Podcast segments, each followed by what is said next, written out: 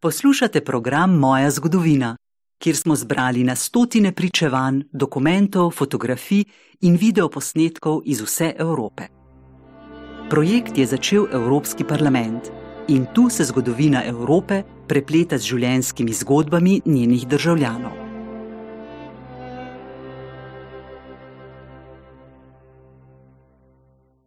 Pour la mémoire de la Shoah, pour la justice également, mais zaradi holokausta, pa tudi zaradi pravice in dožnosti spomina, ampak dejavnega, ne pasivnega spomina.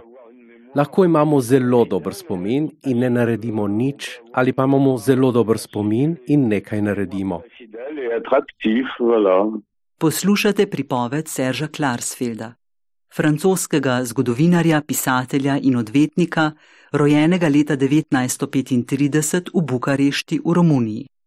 Tako se začne njegova zgodba in zgodba njegove družine, ki se prepleta z zgodovino Francije. Poleti leta 1940 je bila Francija razdeljena na dve coni: sever države, ki je bil okupiran in pod nadzorom nacistov, ter jug države, kjer je bila tako imenovana svobodna cona, ki je bila pod nadzorom višijskega režima. V jugovzhodni Franciji se je leta 1942 položaj spremenil.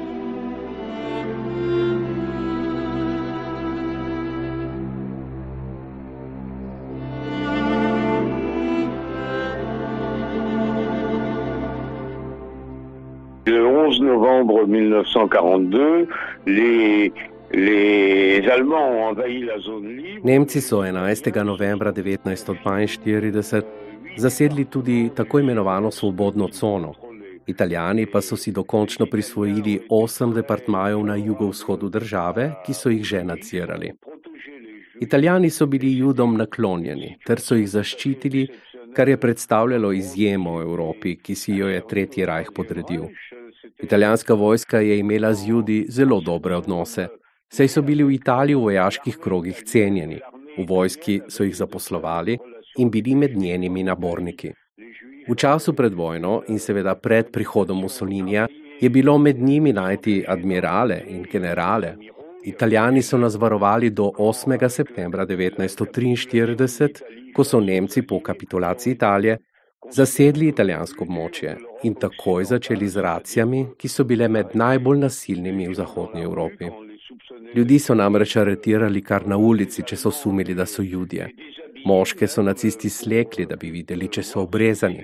To je bil zelo težaven položaj za jude, ki so bili v Nici kar številčni. V mestu in okolici jih je bilo vsaj 20 tisoč. Dans, dans, dans la ville de Nice et ses environs.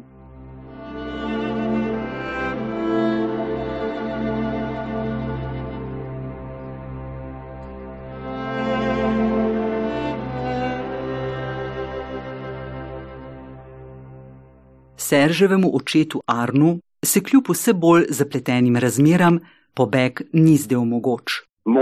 euh,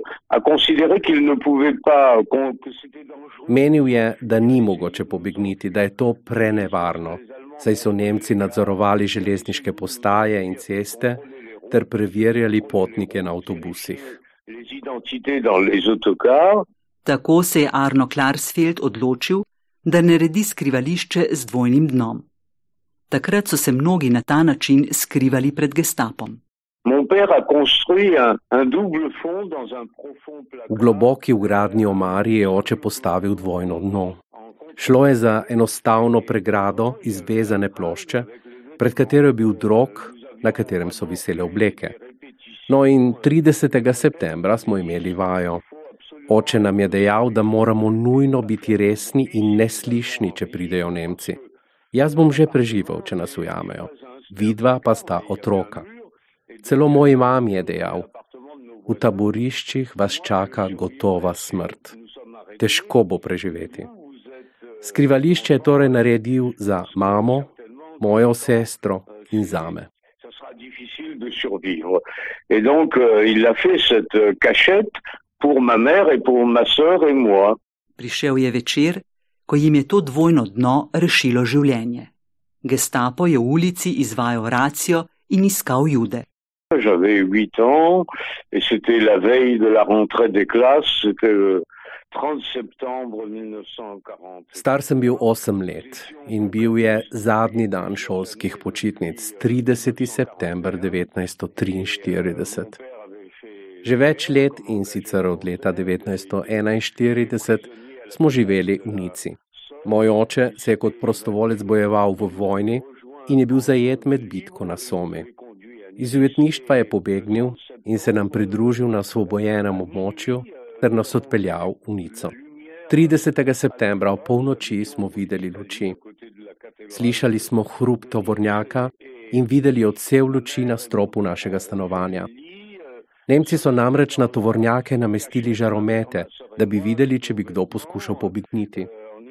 Osvetlili so pročelja hiš. Racija je zajela več stavb naenkrat. Stanovali smo ob katedrali v Nici, na italijanski ulici.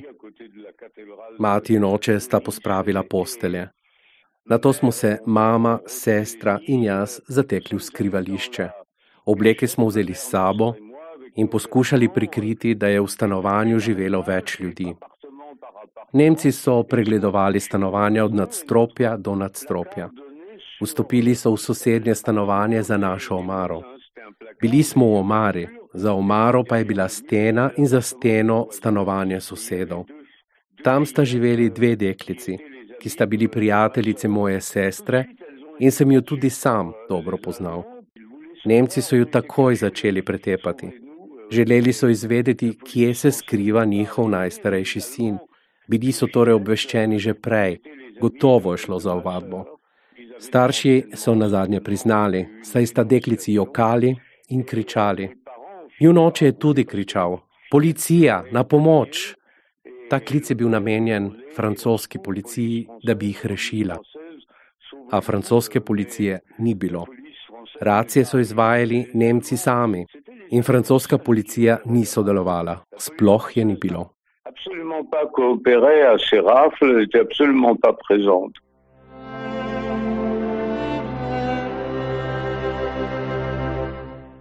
Potem, ko so vdrli k sosedom, je bilo na vrsti stanovanje Klarsfeldovih. Ensuite, ils ont sonné chez nous et mon père a ouvert et ils ont dit immédiatement, j'entends encore, où est votre femme Na to so pozvonili pri nas. Oče je odprl vrata in še danes slišim, kako so ga takoj vprašali: Kje so vaša žena in otroka? Oče mi je odgovoril: Na deželi so, ker smo imeli v stanovanju deratizacijo kar je bilo res, še vedno se je vohalo. Niso ustrajali, saj so videli, da je bil moj oče velik, močan in nas gotovo ne bi bil izdal. Začeli so iskati po stanovanju in eden je vstopil v omaro. Mi ga nismo videli, za pregrado smo se tiščali drug ob drugega. Sestro je bolelo grlo in v usta si je zatlačila robček, jaz pa sem ostal miren, čeprav sem bil sicer kar vihral. Slišali smo premikanje oblek po drogu, ko so preverjali, ali se kdo skriva zadaj. Pregrade se ni dotaknil in omara je bila temna, tako da ni opazil, da zadaj ni stene, temveč pregrada iz lesa. Vrata omare je zaprl za sabo. Očetu so naročili naj se obleče in odšli. Oče se je vrnil v skrivališče, ker je ključe stanovanja pustil materi in želel je zakleniti vrata. Tako Nemci ne bi mislili, da je kaj pustil za sabo, da je družina ostala v stanovanju. Gotovo bi bilo sumljivo, če bi pustil odprto. Vzel je ključe in poljubil mamino roko ter odšel brez besed. Vstopil je k sosedom, da bi jih potolažil in na to odšel. Takrat sem ga zadnjič videl. et il est parti. Euh, et c'est la dernière fois donc euh, je l'ai vu.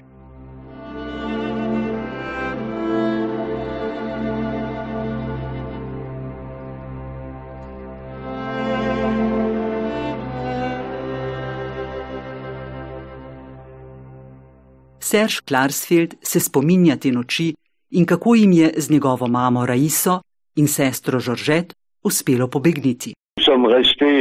toute la nuit dans cette cachette jusqu'au petit matin. Au petit matin, ma, V skrivališču smo ostali vso noč, dokler se ni začelo svitati. Mati je slišala, da se nekdo spušča po stopnicah. Stopila je iz skrivališča ter ga zaprla za seboj, da bi bila midva na varnem. Bil je eden od sosedov. Prosila ga je, naj pogleda, če so Nemci še vedno zunaj. Šel je ven, se vrnil in povedal, da ni nikogar. Takrat smo pobegnili. Na to smo se tri, štiri mesece vsak dan izogibali racijam, tako da smo se selili med različnimi stanovanji, hoteli in hišami. Na srečo so racije izvajali samo Nemci iz gestapa, ki jih ni bilo veliko. Njihov izplen, če smem tako reči, je bil manjši, kot bi bil, če bi jih izvajali skupaj s francosko policijo. V Nici leta 1943 torej ni bilo tako kot v Parizu, kjer je pri racijah sodelovala francoska policija. V Nici ni sodelovala.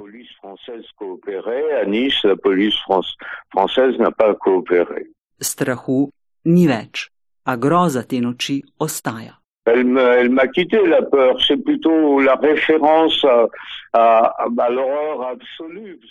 Ni me več strah. Bolj gre za spomin na popolno grozo. Saj sem videl oditi naše prijatelje, sosede, sosede jude. Gotovo jih je kdo ovadil. V italijanski ulici je živelo kar nekaj judov in tiste noči so jih z hiš številko 11, 13 in 15 odpeljali približno 20. Na to smo živeli preganjani. V spomin se mi je še posebej vtisnilo to, da so nas več mesecev preganjali ljudje, ki so nas poskušali ubiti, ker smo bili pač ljudje. Pa če tudi je moja mati študirala v Nemčiji in je moj oče tekoče govoril nemško. Medtem so nas italijani varovali. Lahko bi rekel, da smo bili že takrat v nekakšnem evropskem zgodovinskem kontekstu. Sam sem se poročil z Nemko, ki ni judinja. In najna hči, brško ne zaradi naših potovanj v Italijo po vojni, ker smo bili italijanom hvaležni, se je poročila z italijanom. Sedaj živimo med Nemčijo, Francijo in Italijo.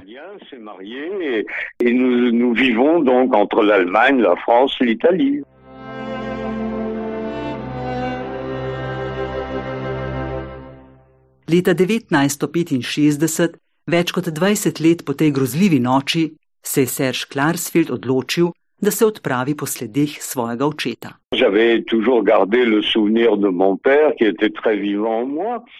V sebi sem vedno hranil zelo živ spomin na očeta. Po izobrazbi sem zgodovinar in dejal sem si, da se mu lahko najlepše poklonim tako, da obnovim zadnji del njegove kalvarije, internacijo v Drancijo. Obiskal sem spomenik holokaustu v Drancijo.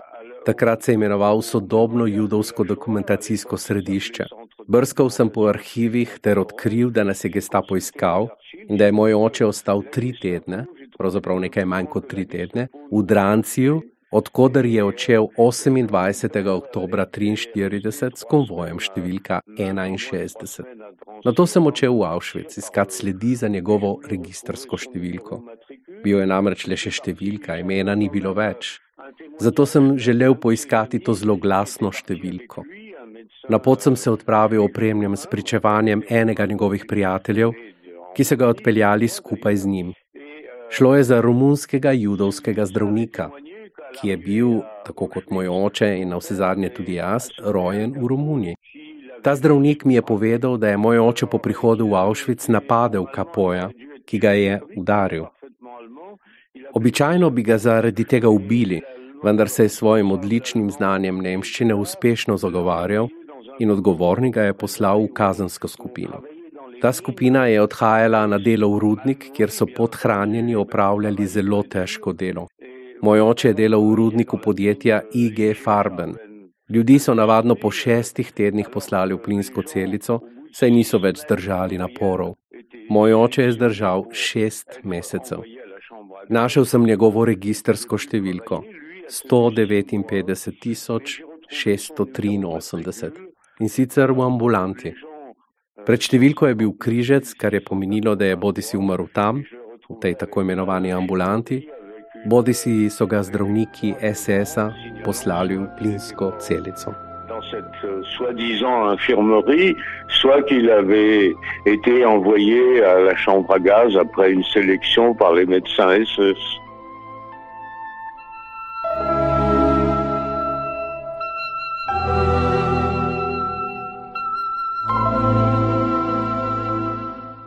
Leta 1963 se je Serž poročil z Beate, nemško protinacistično aktivistko, ki je delala za spomin na holokaust.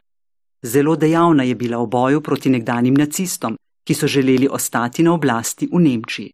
7. novembra 1968 je tako med sestankom Nemške krščansko-demokratske unije oklofutala zvezdnega kanclerja Kurta Georga Kisingerja in ga uzmerjala z nacistom. En 1967, ma femme a recommencé sa campagne. Leta 1967 je moja žena začela kampanjo proti kanclerju Kissingerju, nekdanjemu članu nacistične stranke in namestniku direktorja Hitlerjeve radijske propagande za tujino. Leta 1968, sredi te kampanje, sta se najni poti prekrižali in začela sva sodelovati. Prizadevala si je, da bi kanclerja nasledil pripadnik nemškega odpora Willy Brandt. To se je uresničilo leta 1969, ko je bil Brandt izvoljen z minimalno večino. Beata je bila zelo zadovoljna. Potem je začela kampanjo v Bruslju, kamor je nemška vlada napotila Ernsta Achenbacha, nacističnega diplomata, ki je sodeloval pri deportaciji judov v Franciji. Beata je vodila kampanjo proti njemu in iskala sva dokumente, na podlagi katerih bi ga bilo mogoče obremeniti.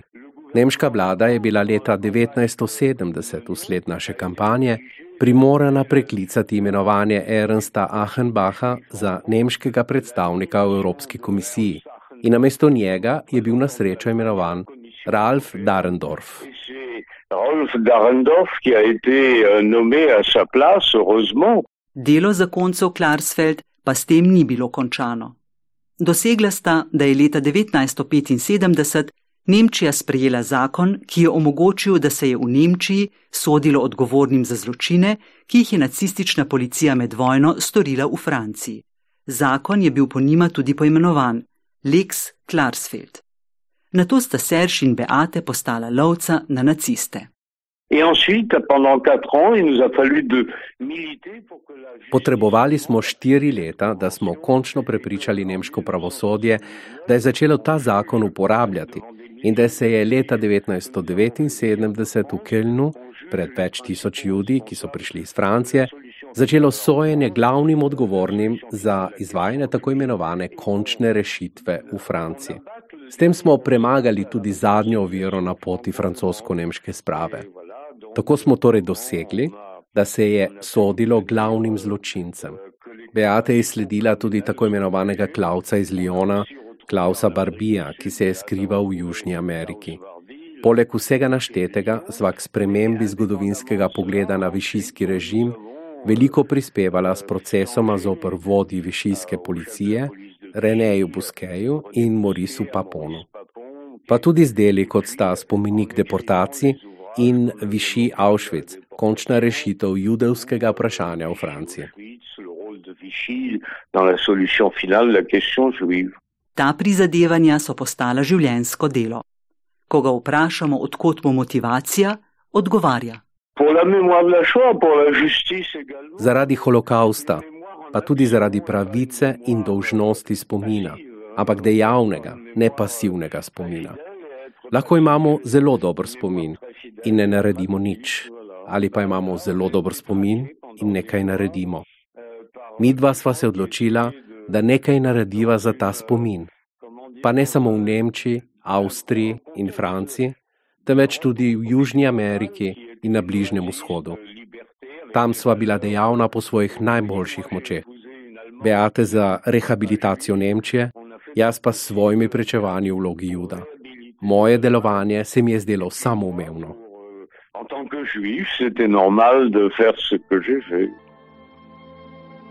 Po drugi svetovni vojni se je Evropa dvigala iz pepela.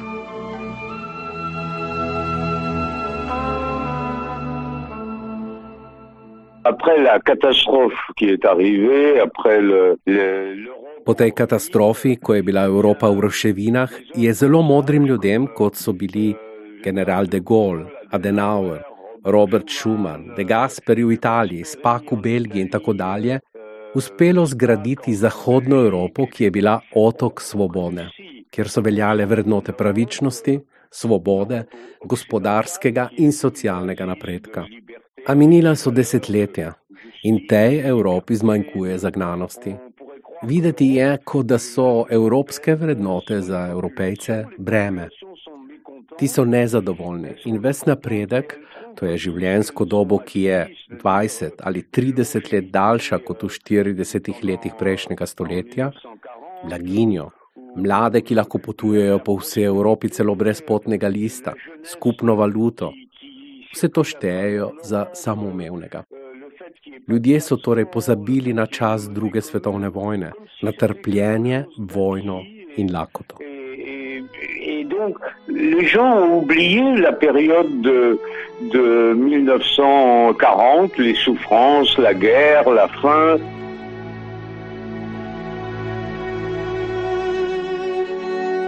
Serge Klarsfeld svoje pričevanje sklene s svarilom.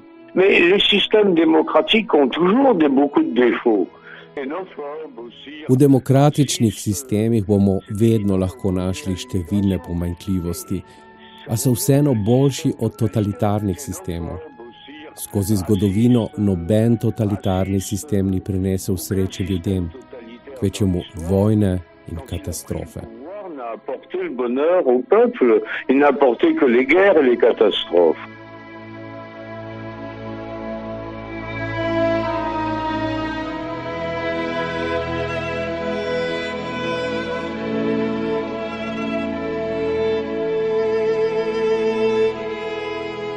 Poslušali ste program Moja zgodovina. Evropski parlament je ta projekt pripravil v sodelovanju z državljani iz vse Evrope. Če vas zanima več o podcastih, ki jih pripravlja Evropski parlament, vas vabimo, da nas poslušate na Europarl Audio ali pa obiščete portal My House of European History.